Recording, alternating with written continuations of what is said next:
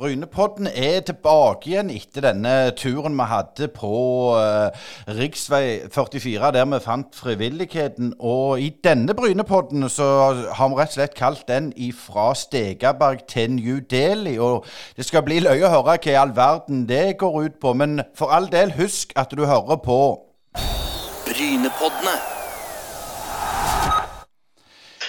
Ja, vi har sagt fra Stegaberg til, til, New Delhi, og da er det jo en ære å, å ønske deg, Per Inge Jacobsen, velkommen til Brynepoddene. Jo, tusen takk for det. Ikke så verst det å få en, en uh, selveste Norges U23-landslagstrener uh, på, på, tråden her. Og du har ikke vært uh, landslagstrener for kvinnelandslaget U23 så veldig lenge. Men Stegaberg, det har du et, et forhold til? Ja, absolutt. Stegaberg har jeg helt uh, kjempefint forhold til. Det, det, var jo min moderklubb, og uh, spilte vel der i de fleste, fleste årene mine i, mens jeg var aktiv sjøl. Så der har jeg gode minner. Og Det som er litt artig, uh, fotballkarrieren din, Per Inge, med all respekt, den er mest like dårlig som min, for, for det ble vel toppen på fjerde på deg òg? Ja, det ble, det ble, vel det. Det var vel kanskje et år i tredje, men uh, ellers så var det stort sett bare fjerde. Eh, men du, du, du, er jo oppvokst i Haugesund og flytta til, til, til um, Stegaberg sitt, sitt, lag, og det heter vel Frakkagjerd eller noe sånt? Førresfjorden. For deg som hører på oss er fra Oslo, fortell litt om, om, hvor denne plassen er hen. Ja, det er jo ti uh, minutter eller en mil sør for, uh, sør for Haugesund by mot Stavanger.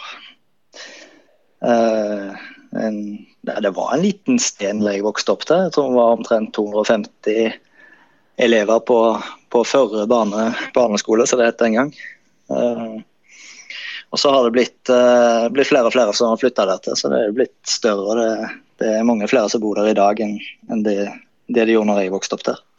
Men når du var ung, og, ung og, og, sprang rundt i gatene, så var det vel, vel på en måte bedehuset og fotballen som sto i sentrum. Nå er ikke du så veldig gammel, men, men det har jo forandra seg enormt. Eh, var det bare de alternativene når du vokste opp? Ja, det var ikke mye. Det, det ble stort sett fotballbanen. Uh, så det var, det var ikke det var ikke all verdens av ting som, eh, som foregikk utenom, utenom fotballen. Nei, det var ikke det. Men denne fotballinteressen, har du der arva den fra foreldre eller besteforeldre? eller hvor, hvor, eh, hvor, kom dette inn i bildet? Eller var det bare sånn det var? Nei, jeg tror det var sånn det var. Jeg har noen søskenbarn som eh, jeg ble veldig påvirka av. Jeg har, ikke, jeg har ikke noen foreldre som er ekstremt fotballinteresserte. Jeg hadde en, en farfar som, eh, som, spilte en del fotball i sin, sin, ungdom, så han var veldig interessert og fulgte godt med. Uh, så har jeg hatt god oppfølging fra foreldrene, men, men det har ikke vært noe særlig fotballinteresse. Det har det ikke vært. Eh, det som er litt sånn tragisk oppi det hele, at når du spilte i Stegaberg der, så tok du en utdannelse, og du er utdanna tømrer og bygningsingeniør. Men det kunne jo faktisk gått ganske gale når du var i, i jobb der? Ja, og det var jo i utgangspunktet inngangen min til treneryrket. da, for jeg, eh, jeg jobba jeg tror jeg jobba som lærling på, på Hemningstad bydelshus, som ligger nord i Haugesund, ikke uh, Og holdt på på høyt oppe på en vegg der, på et tak, og la noe kledning, tror jeg. Og så detter det, det stillaset faller sammen. Så da da falt jeg vel en seks-åtte meter, tror jeg, ned. Og det, det, ble, det ble slutten på en heller miserabel fotballkarriere. Og kanskje, kanskje, kanskje, til det bedre. Men uh, det ble, det ble iallfall utgangspunktet til at jeg uh, begynte så vidt i treneryrket. Jeg gikk jo, gikk jo skada et år. Uh, og da begynte jeg som Jeg lurer på om det var et gutta 13-lag eller gutta 14-lag i Stegerberg. Så jeg begynte å bli litt med og trente et år. Uh, så fikk jeg litt smaken på det, men så måtte jeg, uh, måtte jeg jo ta et valg i forhold til yrkeskarriere, som gjorde at uh, det ble litt tøft å være tømrer. Så da måtte jeg videreutdanne meg i forhold til den ryggen og det fallet. Så da flytta jeg til Stavanger. Og studerte bygningsteknikk og til bygningsingeniør på universitetet. Der kom du òg i kontakt med Randaberg. Altså, har du allerede i, denne tida sådd et frø? Så visste du det, det da, eller, eller, var det bare noe som kom? Hvordan kom du i kontakt med, med Randaberg? Nei, det er jo like tilfeldig. Altså, jeg, jeg havnet i klasse med en, eh, en uh, som trente Randaberg sitt guttelag i den tida. Og så, så, skjønte han jo at jeg hadde fotballinteresse, hadde spilt litt og trent litt tidligere sjøl, så han lurte på om jeg hadde lyst til å være med han som, som hans assistent rundt dette guttelaget. Og det syns jeg var en fin aktivitet å holde på med på sida av studiene. Så, så, det var liksom veien inn i Randaberg. Men vi har òg sagt det i denne Brynepodden. Du kommer ukjente, du, du, reiser over fjorden, som da er ikke så veldig langt. Men det også, gjorde det lettere å komme inn både i fotballmiljøet og i miljøet ellers, når du fikk den muligheten? Eh, ja, det gjør det jo. Eh, jeg hadde, ikke, hadde, absolutt ikke vært der i, i dag hvis det ikke var for eh, den jobben og, og de tilfeldighetene som gjorde at jeg havna i Randaberg. For det, det, var, det, er jo en fantastisk klubb på, på uh, veldig mange måter. Og, og, det å komme inn der og få trent gode guttelag som Randaberg hadde på den tida, det, det hjalp jo meg i veien videre. Det, det, er det ikke noe tvil om. For det var vel det i denne perioden at, at Randaberg hadde litt middel å satse litt, stemmer det? Ja, det var rett, det var rett før de fikk midlene. Det var et godt tredjedivisjonslag, men de hadde de hadde guttelag i, i norgestoppen. Både, både 16-åringene og juniorene var ganske bra på den tida der. Uh, og det er de jo helt sikkert ennå, men, men, på den tida så var de helt, helt i, i, eliten. Og det, det gjorde at, at jeg opparbeida si, et navn eller en standing i, i treneryrket som, som gjorde at jeg fikk andre muligheter senere. Men det er litt interessant, for med all mulig respekt for Randaberg, det er ikke en toppklubb à la Viking eller Haugesund eller Rosenborg. Men allikevel så sier du at du fikk en standing når du var i en breddeklubb? Ja, absolutt. Jeg gjorde det. Det var, det var, det var nok på, mye pga. at vi hadde gode, gode, lag på den tida. Eh, det er jo mange spillere for det laget der som tok, tok steget videre etter hvert. Eh, så, så jeg tror var jeg tror det var noe av nøkkelen med at vi, at vi fikk gode resultater med det guttelaget. Eh, både i, i den interne eliteserien i, i Rogaland som, som, han hadde, men òg gjorde det bra i type Norway Cup og sånne turneringer. Eh, for klart, Veien videre går jo til Vålerenga og Oslo. og For en araber, som vi liker å kalle dere eh, sør for, for, for fjorden, nord for fjorden selvfølgelig. Hvordan kom det i stand? Altså det, det er liksom litt, litt, sånn merkelig for, for en som sitter her og snakker med deg, at du går fra Randaberg til Vålerenga. Det, liksom, det er ikke så mange som har gått den veien, for å si det sånn. Nei, det kanskje ikke.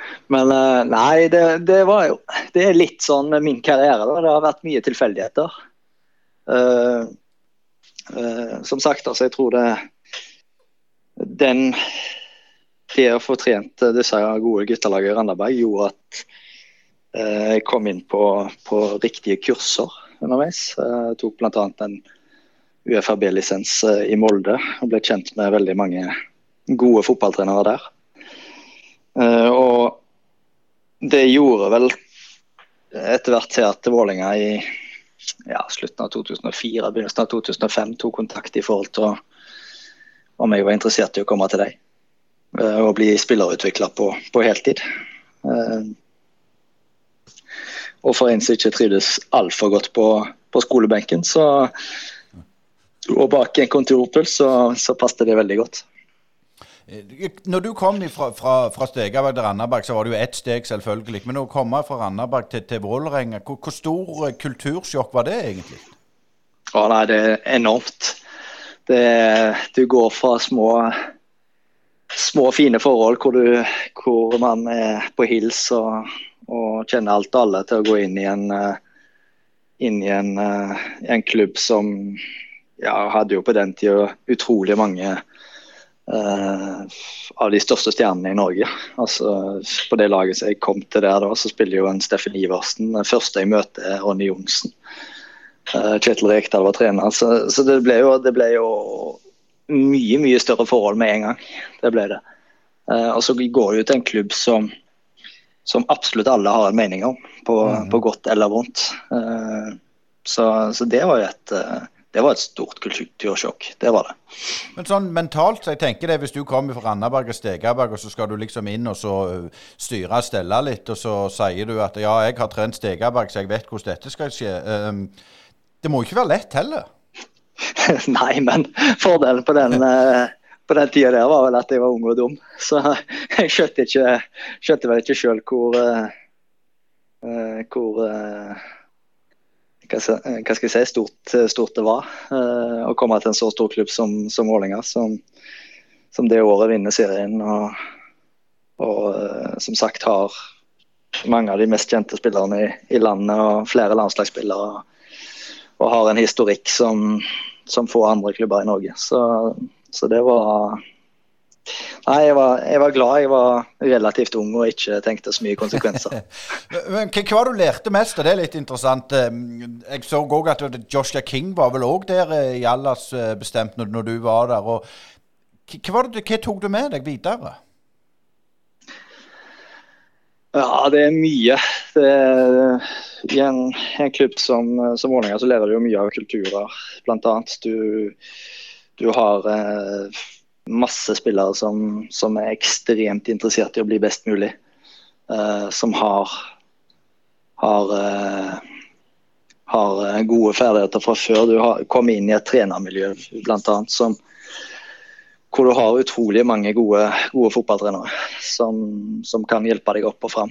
Uh, så det, er liksom, det er så mye du tar med deg fra, fra en sånn, sånn, reise, og spesielt når læringskurven blir så bratt som han blir. Når det går fra, fra gutte, guttelagsfotball i tredjedivisjon til, til ja, serievinneren i Norge. Så, så er det, er det ja, det er en bratt læringskurve som som man lærer seg utrolig mye på veien. Men, men, kan det ha med det at du var så ung at du ble, ble måte noen under vingene? Du var ikke en trussel, for de så at du ble, kom aldri til å bli en, en trener for Vålerenga når du var så ung. Er det noe der, tror du? At det var, var, godt for deg at du var så ung?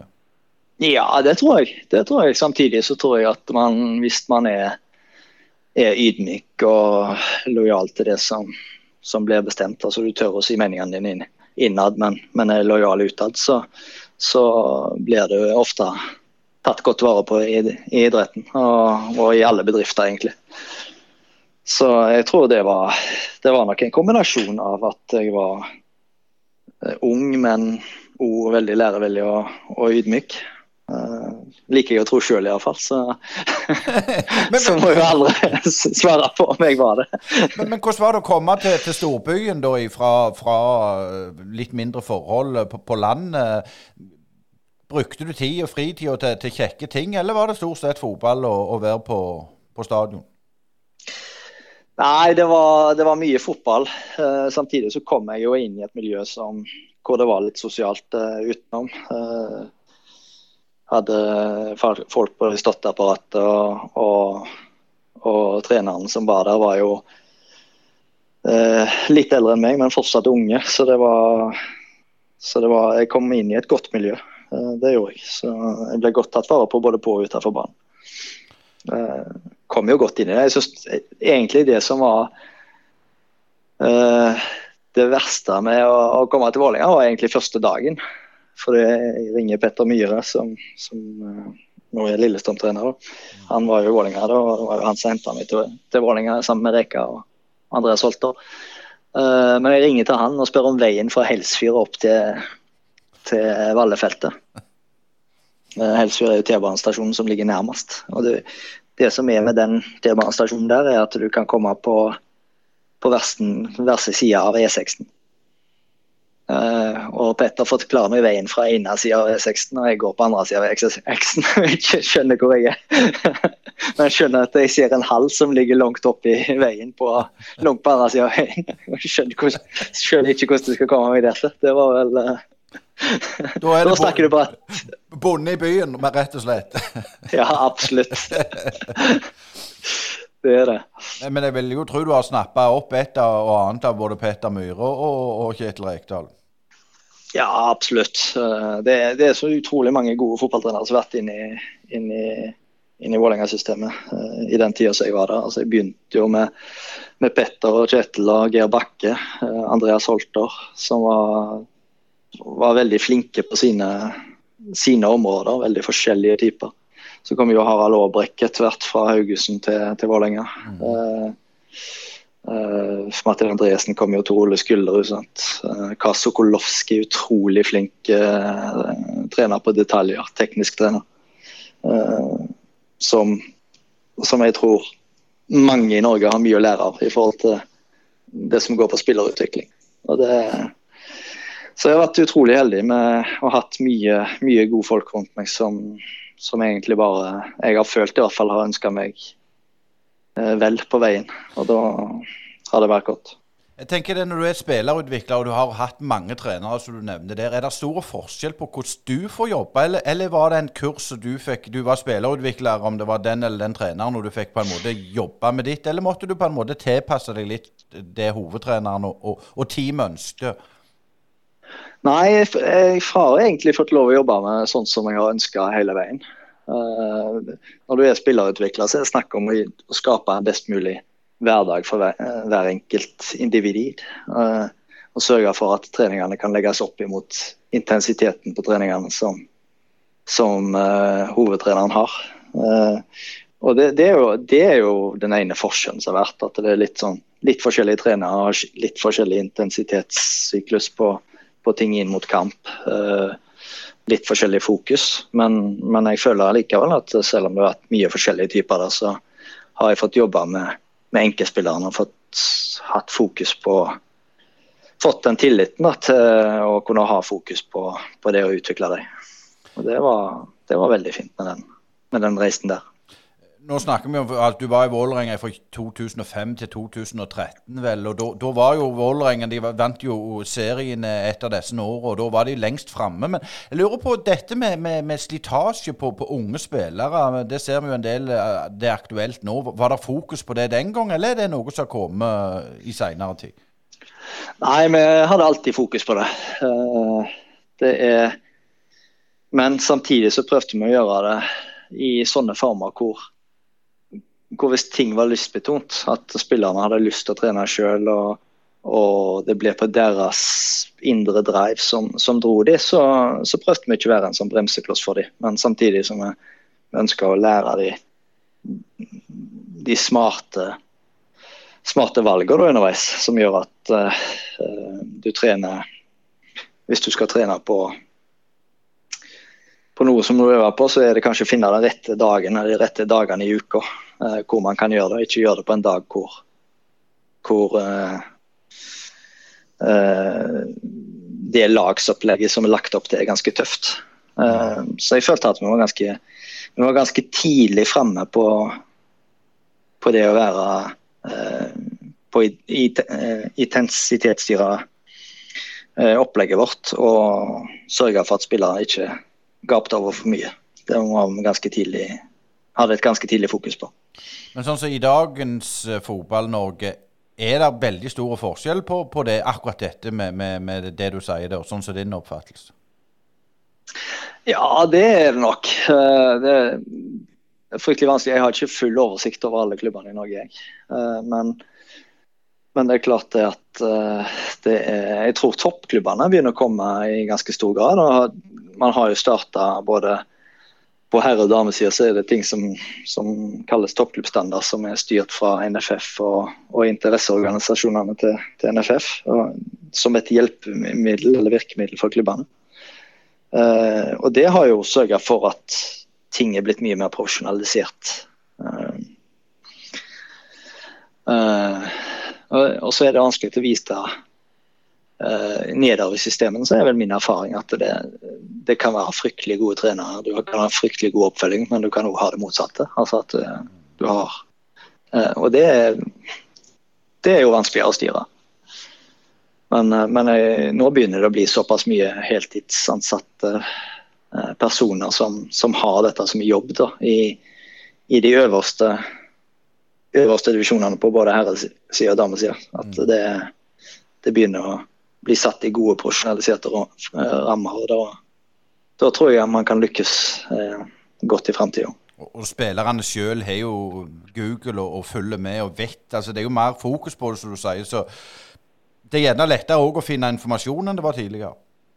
Ja, det er det. Og så, tror jeg at både miljøene og, og skolene, ikke minst, altså disse her eh, idrettslinjene, at de, de jo har mye fokus på det. Og, og sørger for at spillerne blir lært opp i, i både kosthold og, og intensitetsstyring og, og, alt dette her. Så, så det hjelper på. Eh, men du, du, sier jo det at det var tilfeldigheter med, med, på en måte karriereveien din. For det er klart, det når du er spillerutvikler i Vålerenga, så tenker jeg jo gjerne at da skal en gå til en, en annen storklubb, gjerne bli en assistent eller, eller noe sånt. Men, men, den gang ei, du du skulle ned igjen. ja, jeg ble litt frista. Jeg hadde En av de største sponsorene til Vålerenga var, eh, var i Nordstrand, eh, sammen med rådgiveren til Kjetil Rekdal. Eh, og de to klarte, sammen med Tor Einar Andersen, tidligere landslagslegen, eh, klarte å lure meg over til, til Nordstrand og, og, mente at det var Der lå framtida. så, så da ble det en, en tur der i, i 2013. Så, da var de på nivå nå er det, Var det nivå tre eller fire de var på da? De var i fjerdedivisjon, så det gjelder å rykke ned. Ja. Uh, og hadde en, en, god plan for at de ønsker å komme seg opp igjen. Og det som er med Nordstrand, som frister, det er at det, det, er jo en av Norges største breddeklubber. De har ekstremt mange spillere, uh, samtidig så de har vært et topplag i, i håndball på, i mange, mange år. Og jeg tenkte den kombinasjonen der eh, må være bra. At man har en toppklubb eh, i håndball, vel å merke, altså, men, men, at man skjønner mekanismene eh, som skal til for å, for ta stegene. samtidig som man har mye spillere. Og da, da tenkte jeg at den, den, kombinasjonen er fristende. Og så var det så fristende å jobbe med Trond Mathisen, som var Rekas rådgiver, og, mm. og Tor Einar Andersen, som har ekstrem kompetanse på, på det medisinske. Og, og Christian Rosenberg, som, som var en uh, veldig ivrig, ivrig sponsor av Vålerenga på den tida. Så, så, så, selv om det var en breddeklubb, så var det jo i grunnen litt toppklubb allikevel. Og, og, i første sesong så er det vel en tredjeplass, og så klarer dere å rykke opp på, på, den andre sesongen. og Hva tenkte du da, når dere endelig kom opp til tredje igjen? Var det sånn at du ville fullføre prosjektet, eller, eller ble du metta underveis? Ja, nei, jeg hadde lyst til å Jeg hadde bestemt meg allerede da når jeg gikk opp at da skal jeg, da skal jeg ha et år til. Så jeg må prøve å sørge for at uh, den klubben her uh, gjør en god sesong i tredje divisjon. Mm. Uh, og og det gjorde vi jo for så vidt. Jeg husker ikke helt plassering, men jeg, mener at vi gjorde en ganske god god sånn plasseringssesong. Problemet var vel at de gjorde en, en omveltning av systemet det året. så Det var, det var bare de fire beste som, som holdt seg.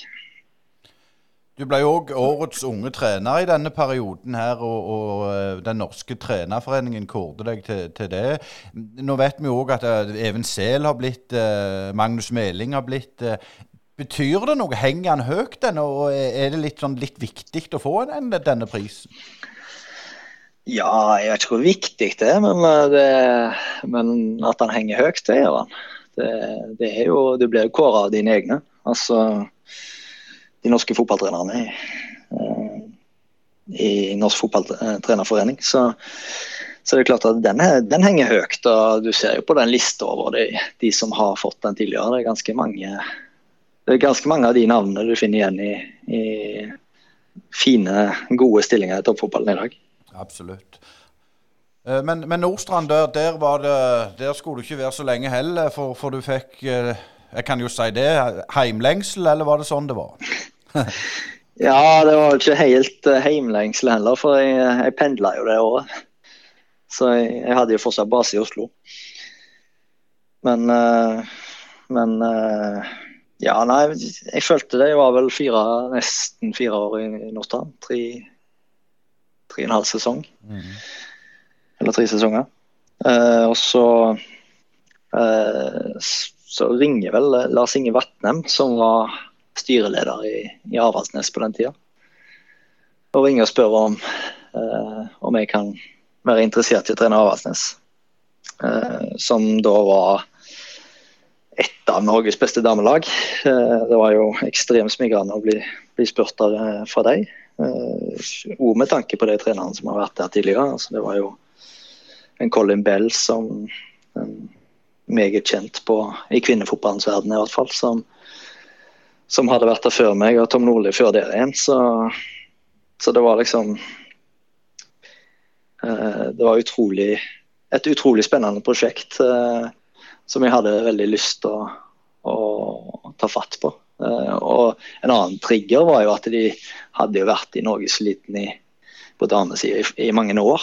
Og hatt mange, mange medaljer i, både i serie og cup, men de har, hadde ikke vunnet noe. Så det, det, var jo, det var jo noe som trigga veldig. Og det fikste jo du ganske greit? ja, det gikk jo, det gikk jo bra. Det gikk bra.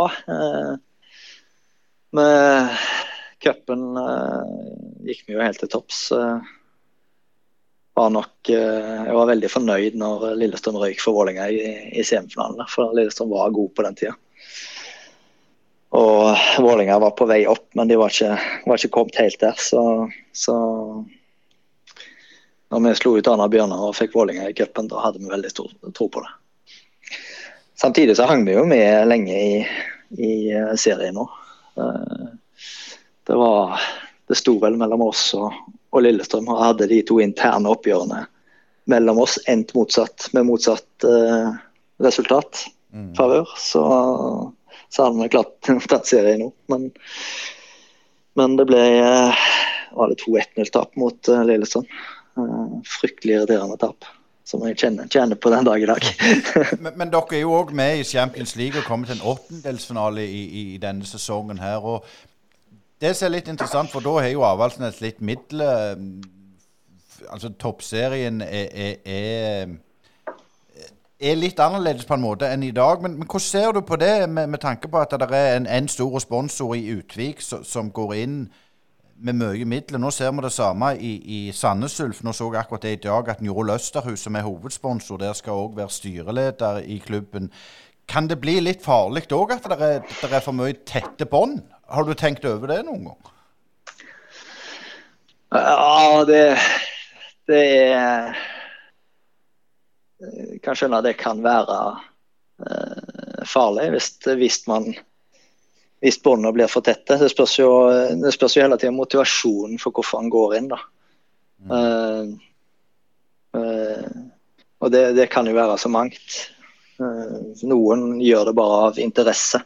At du har jo ja, Randaberg fikk jo så ta deg da, fikk jo mye penger pga. En, en investor som, som, dro inn der eh, med et trist utfall. Men, men uansett så var jo det pga. interesse til et hjemsted som han hadde hatt gode, eh, gode oppvokst, uh, oppvekstvilkår i. og hadde lyst til å gi noe tilbake når, når han fikk nok penger, eller nok midler, om jeg skal si det sånn. Mm. mm.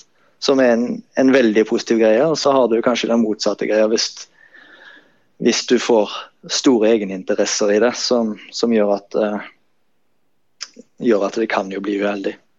Det kan det.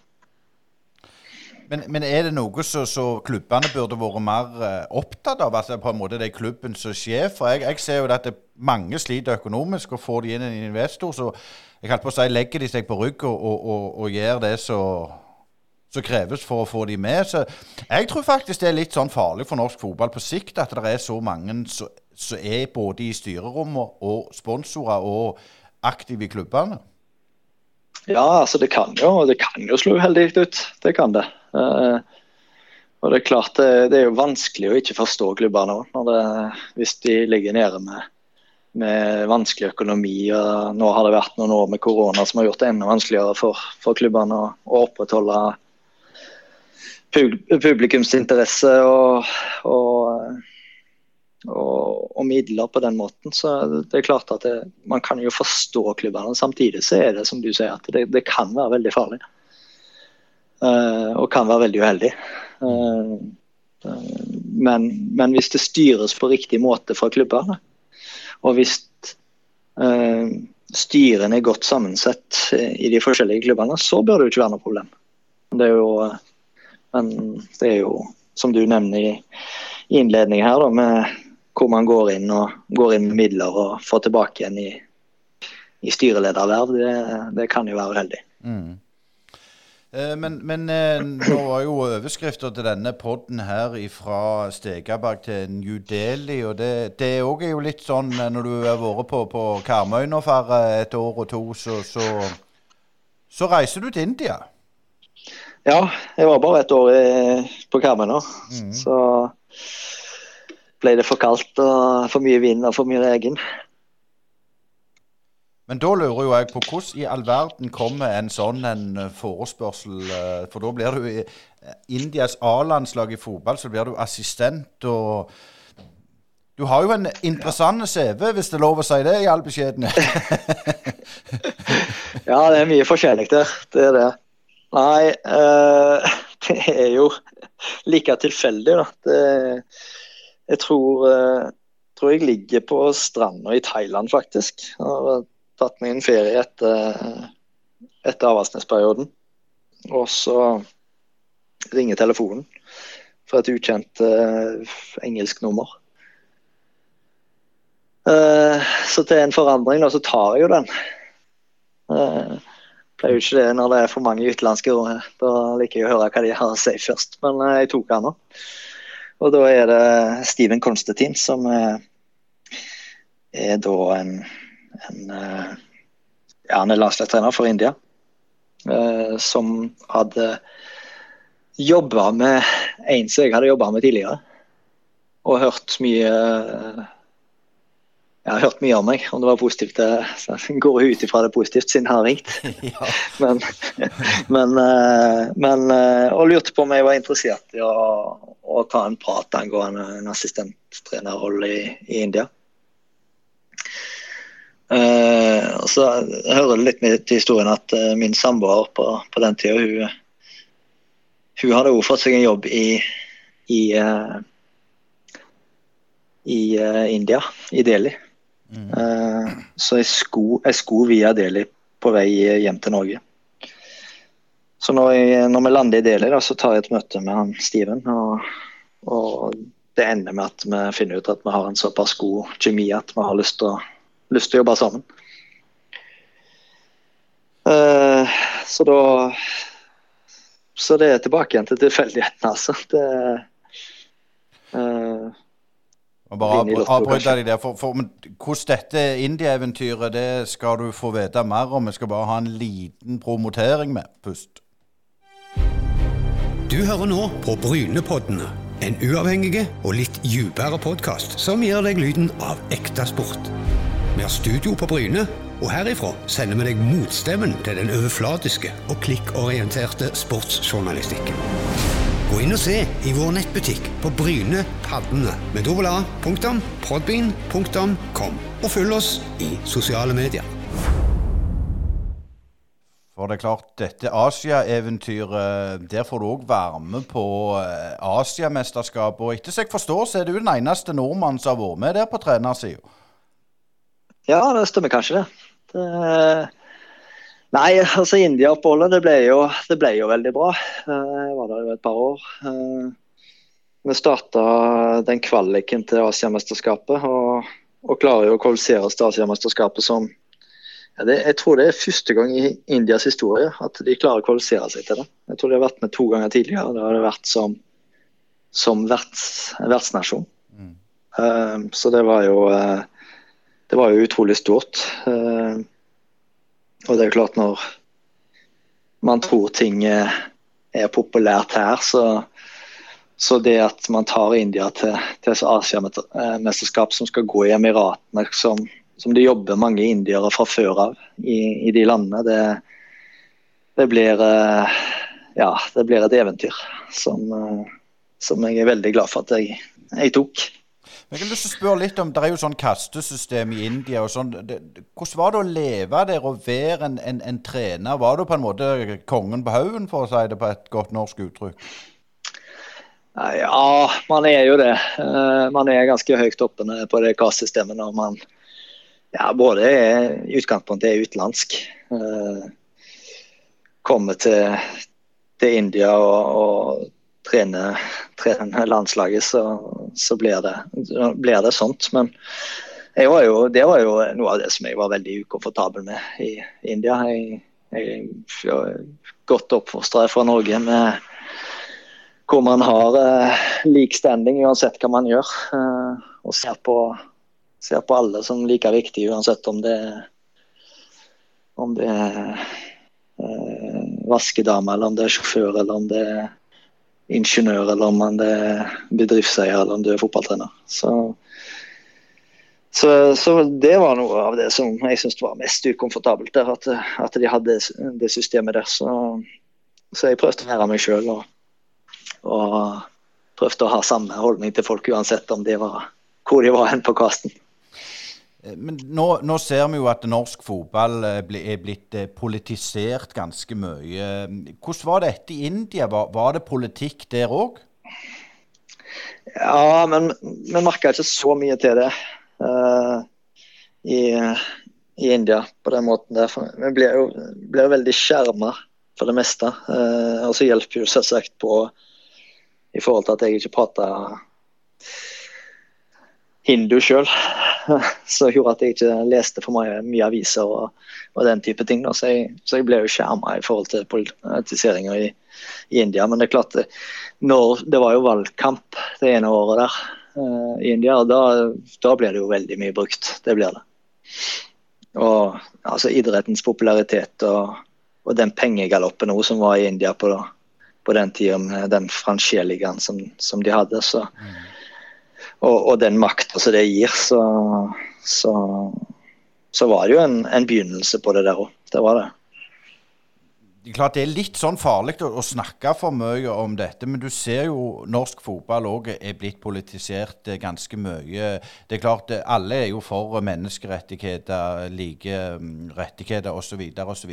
Men eh, Finn Olstad sa det til oss i Brynepodden at, at, det blir brukt til å få makt.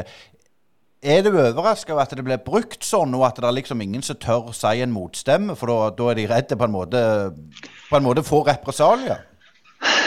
Nei øh, det, det er vanskelig. Men du, du ser jo på det på, i, i, den internasjonale sammenhengen nå, så er det jo, ser du akkurat de samme tendensene der. Uh, og jeg tror jo det, det er jo den populariteten da, som idretten har bygd seg opp på, og ikke minst den den pengegaloppen som har vært, som, som, da, som jeg sa, gir makt. og det, det, er Uansett om det er innad her eller om det er internasjonalt, så ser du de samme tendensene. Uh, og det så jeg, jeg, forstår jo at det blir brukt. jeg gjør jo det. Men, uh, men uh, skulle jo helst gjerne sett at man, at man klarte å skille det. Ja, for jeg tenker litt meg og deg begynte jo med fotball, eh, og, nå kan jo jeg si det, jeg har spilt mot Stegaberg sjøl. Eh, vi begynte jo for vi likte idretten. For jeg, jeg, tenker litt på det at er det sånn at nå du må liksom, det må være politisk korrekt alt du gjør og sier, ellers så, så kan du ikke være med. Fotball er jo størst, så det er jo den vi, vi bruker mest så, som, eh, som, eksempel, men det gjelder andre idretter òg. Eller tror du dette kommer til å svinge, at det går litt eh, opp og ned, på en måte, at det er en pendel her? Nei, jeg håper, det, jeg håper det kommer til å svinge, og at det, at det flater ut litt igjen. At vi får det litt sånn som, som vi hadde det når vi vokste opp. Uh, I forhold til at uh, du spilte fotball fordi du syntes det var gøy, og du fulgte med fotball fordi du, du var veldig interessert. Og, og det, var ikke, det, var ikke, de med mest penger som, som uh, bestemte hvem du, hvem du holdt med. og, og, og den den type ting. Men det, nei, så jeg tror, jeg, jeg tror jo og håper at det kommer til å svinge. Men uh, jeg er jo ikke sikker. Men litt sånn til, til, den rollen du har nå som, som landslagstrener. Er, er, det no, er, er, det litt det må jo være litt vanskelig òg, altså, for du, du, er jo en, en rollemodell og må være Du må være litt forsiktig, alltid på seg. Ja, du må jo det. Uh, samtidig så er jeg jo heldig at jeg uh, er landslagstrener på først og fremst kvinnesida, som ikke som ikke har uh, ja, den Pengegaloppen har ikke tatt av der ennå, for å si det sånn. og da, da da blir det jo sånn at de som jeg har, har ansvar for i det daglige, da, de, de, gjør det fordi at de har et brennende ønske om å, om å gjøre noe de liker, og, og, bli bedre i det. Og det, det, det er jo den heldige delen av å, av å trene U23 kvinner. Eh, for, for etter India-oppholdet ditt så, så, så ble, ble, det Stabæk kvinner på deg. og uh, det gikk jo òg veldig bra. Men, men, litt tilbake til det vi sier det der med at det er politisert. Ser du forskjell på på en måte de som jeg holdt på å si, som spiller fotball fordi de syns det er gøy, og ikke de som på en måte skal hige etter mest og ha mest følgere på TikTok og, og you name it. Har du sett en endring der gjennom de årene du har trent? Ja, det har det, men, men eh, du ser jo uh, det er jo litt av inntoget på sosiale medier. og sånt nå, At det, det, er blitt en viktig del av viktig del av uh, imaget til folk, eller uh, merkevarebygginga til, til, enkelte spillere og enkelte trenere. Det, det har det jo blitt. Uh, om det er direkte negativt, trenger det jo ikke være, men, men uh, Eh, men ja, har sett, eh, du har sett en liten tendens til endring. Det har du. Eh, litt tilbake til, til tida i, i Stabæk. Fortell om hvilken klubb kom du til der? Altså Fra India til Stabæk så er det jo òg en, en, rimelig stor forskjell.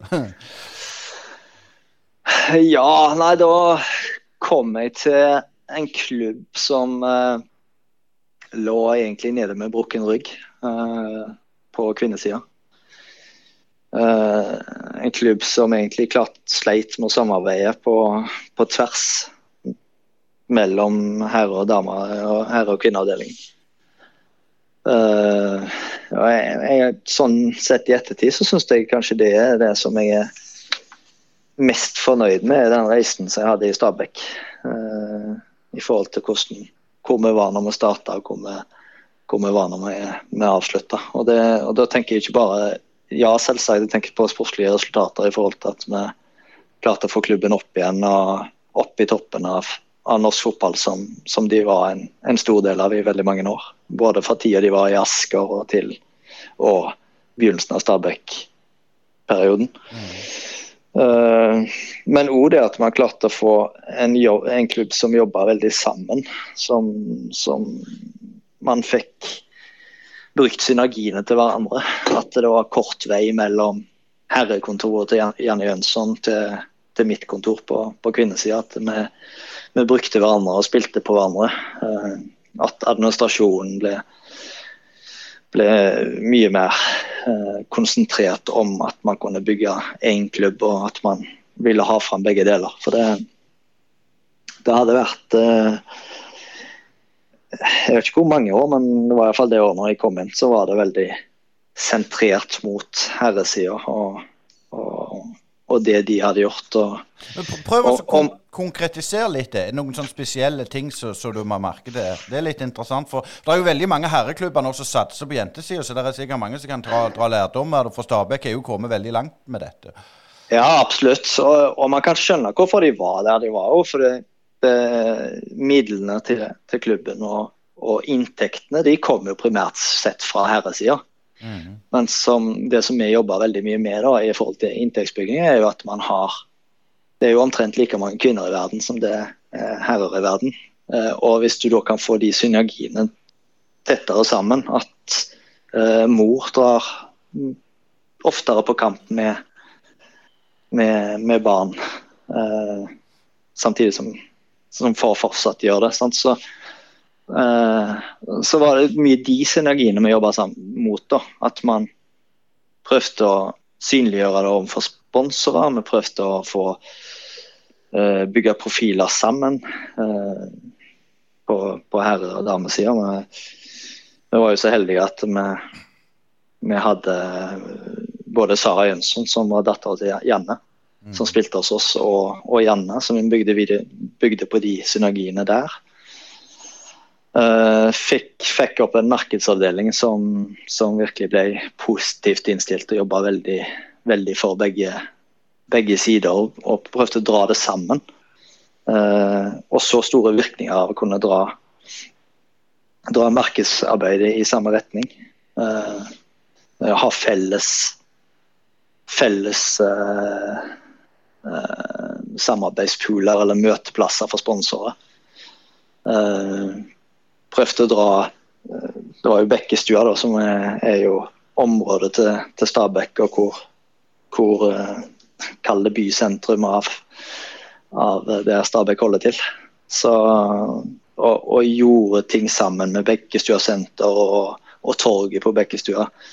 Uh, både på herre- og damesida. Så prøvde å dra alt som vi gjorde, det gjorde vi liksom samla.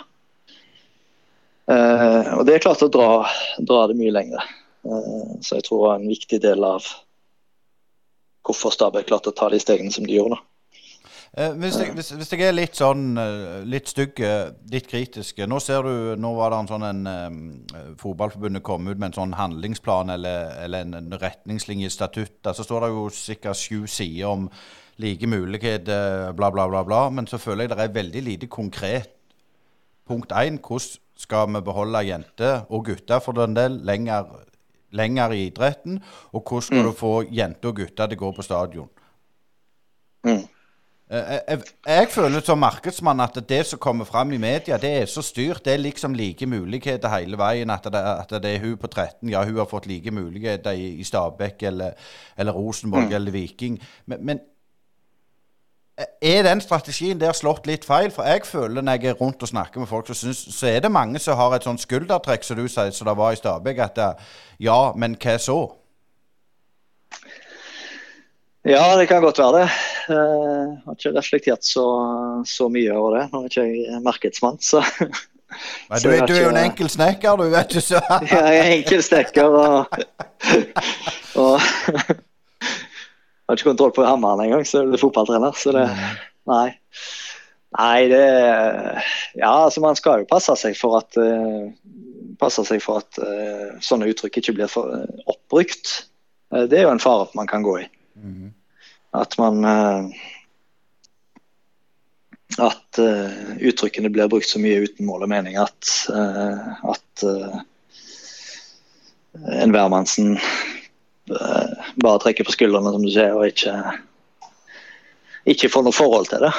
Uh, nå har ikke jeg lest uh, så nøye den rapporten ennå, men, men det skal jo bli veldig interessant å få, få gått ned i dybden på det. Og Det er jo litt, er jo litt trist da, hvis, hvis, det er som du sier, at, at man ikke, ikke har noen konkret vei til målet, men at man men at man heller bare tar opp de samme uttrykkene om igjen om igjen.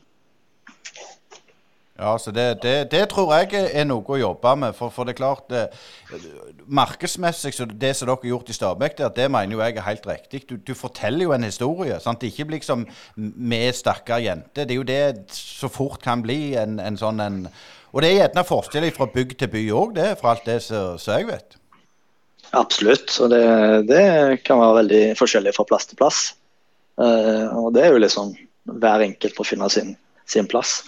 Det som jeg tror kan, kan, være veldig bra oppi det hele her nå, er jo eh, TV 2 sin, sitt uh, inntog i, i, i fotballen. Og, og måten de, de, planene de har, i hvert fall i forhold til å bygge opp interessen for, for hele produktet. Ikke bare Eliteserien eller Obos-ligaen, men men òg toppserien av førstedivisjon kvinner. At mm. man bygger det som ett produkt. At man skape en felles plattform der òg. Eh, det tror jeg kan bli veldig, veldig positivt for interessen. At man i Hvis jeg har forstått det riktig, da. Eh, nå får vi jo se når de starter opp. Men, eh, men sånn, i forhold til at de, de, har en plan på at man skal ha felles samlinger, kanskje ha Obos-ligaen og Toppserien samtidig. Mm. Komme med plingvarsel fra begge deler. Eliteseriene, Toppserien, enkelte dager. At man har flere hovedkamper, men òg har denne her fotballånden som, man- som man bygger opp på. Det, det har jo jeg tro på at det er ett steg i riktig retning på å bygge opp interessen. da. Vi må ta litt til om, om den der, for, for det, nå var det jo en, en, en dokumentar om Rosenborg kvinner, og da- var det jo selvfølgelig, jeg selvfølgelig litt hets på, på sosiale medier etterpå. Mm.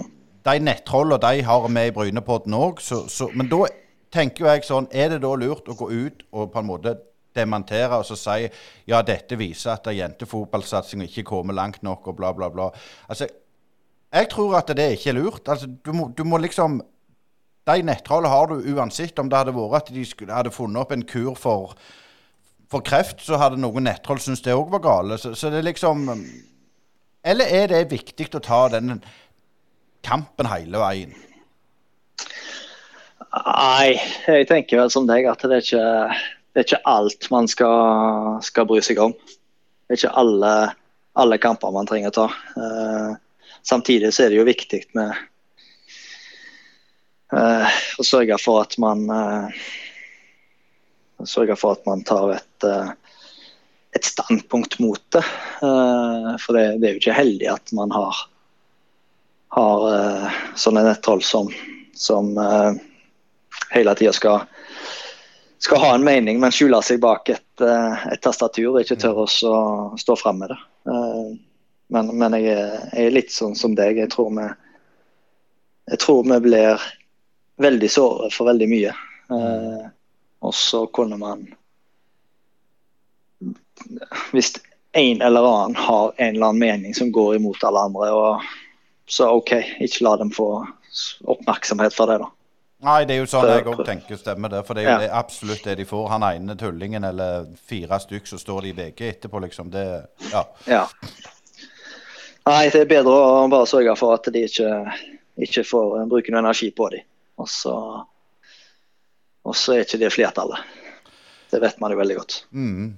Eh, det gjør vi. Men Per Inge, nå går drøsen i godt lag her. Men vi må innom jobben du har i dag for, for eh, Norge sitt eh, landslag. De fosser videre. Og, hvordan er ståa? Nei, den er veldig fin. Starta jo med U23. og Nå er ikke det så veldig allmennkjent, men jeg skal jo ha både U23 kvinner og G18 menn i år. Eh, så jeg skal ut på samling neste uke faktisk med gutta 18. Så det gleder jeg meg veldig til. Men eh, vi har hatt en samling med, med U23 kvinner eh, i Portugal. Hvor vi, vi vinner 2-1 eh, fem minutter på overtid etter skåring av Gjerbu, eh, Andrea Norheim. Mm. Som skårer jo to, egentlig. Eh, Hun kommer inn og gjør et kjempeinnhopp. Uh, skårer først på en corner som blir annullert. Eh, jeg har sett de videobildene mange ganger, jeg skjønner ennå ikke hvorfor. Men eh, portugisisk dommer mot Portugal i, i Portugal, det, det kan jo langt på overtid. Det, jeg skal ikke spekulere her, men eh, vi konstaterer.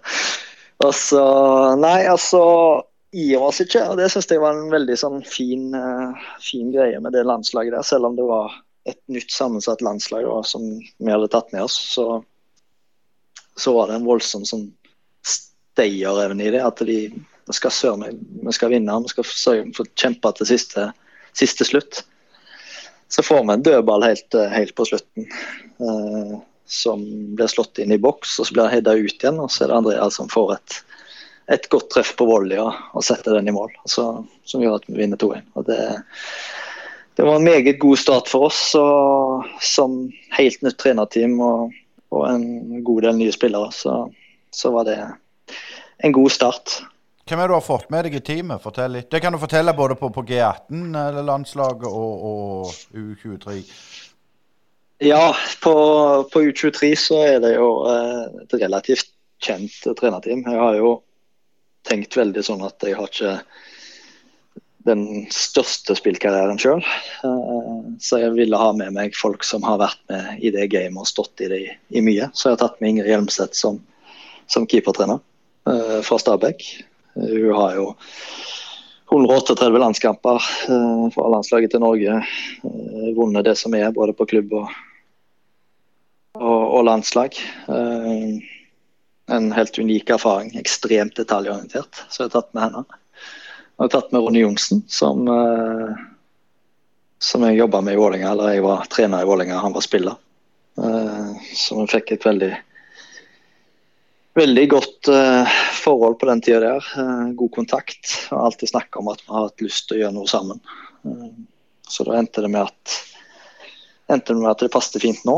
han var veldig lysten og, og kommer jo med en ekstrem erfaring fra sin spillerkarriere, hvor han har ja, vunnet det som kan vinnes som, som klubbspiller.